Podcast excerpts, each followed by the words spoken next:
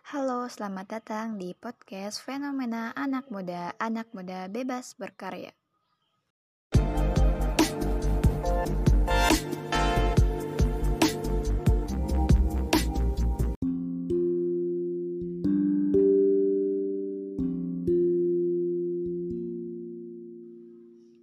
Yang kesatu ada filosofi teras.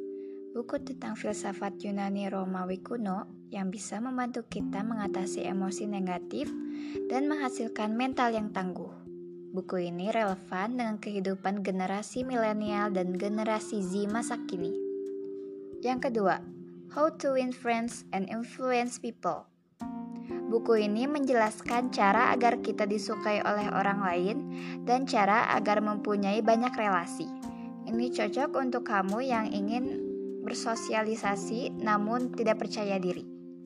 Yang ketiga, Atomic Habits.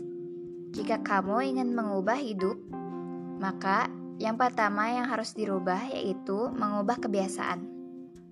Buku yang satu ini cocok untuk kamu yang ingin merubah dan menghilangkan kebiasaan-kebiasaan buruk.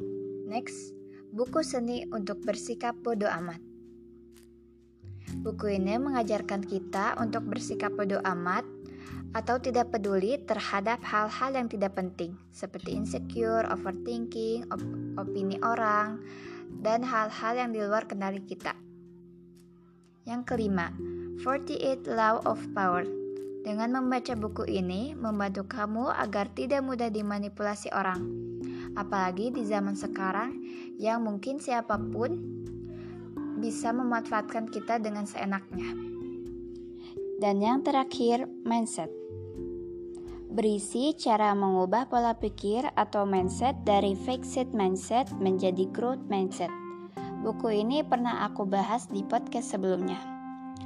Jadi, kamu bisa mendengarkan ulang podcastku yang berjudul Growth Mindset Rahasia Sukses Para Miliarder Dunia.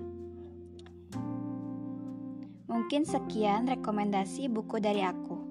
Maaf apabila ada kekurangan dan kesalahan. Aku Nabila Irhami, sampai jumpa di episode berikutnya. See you.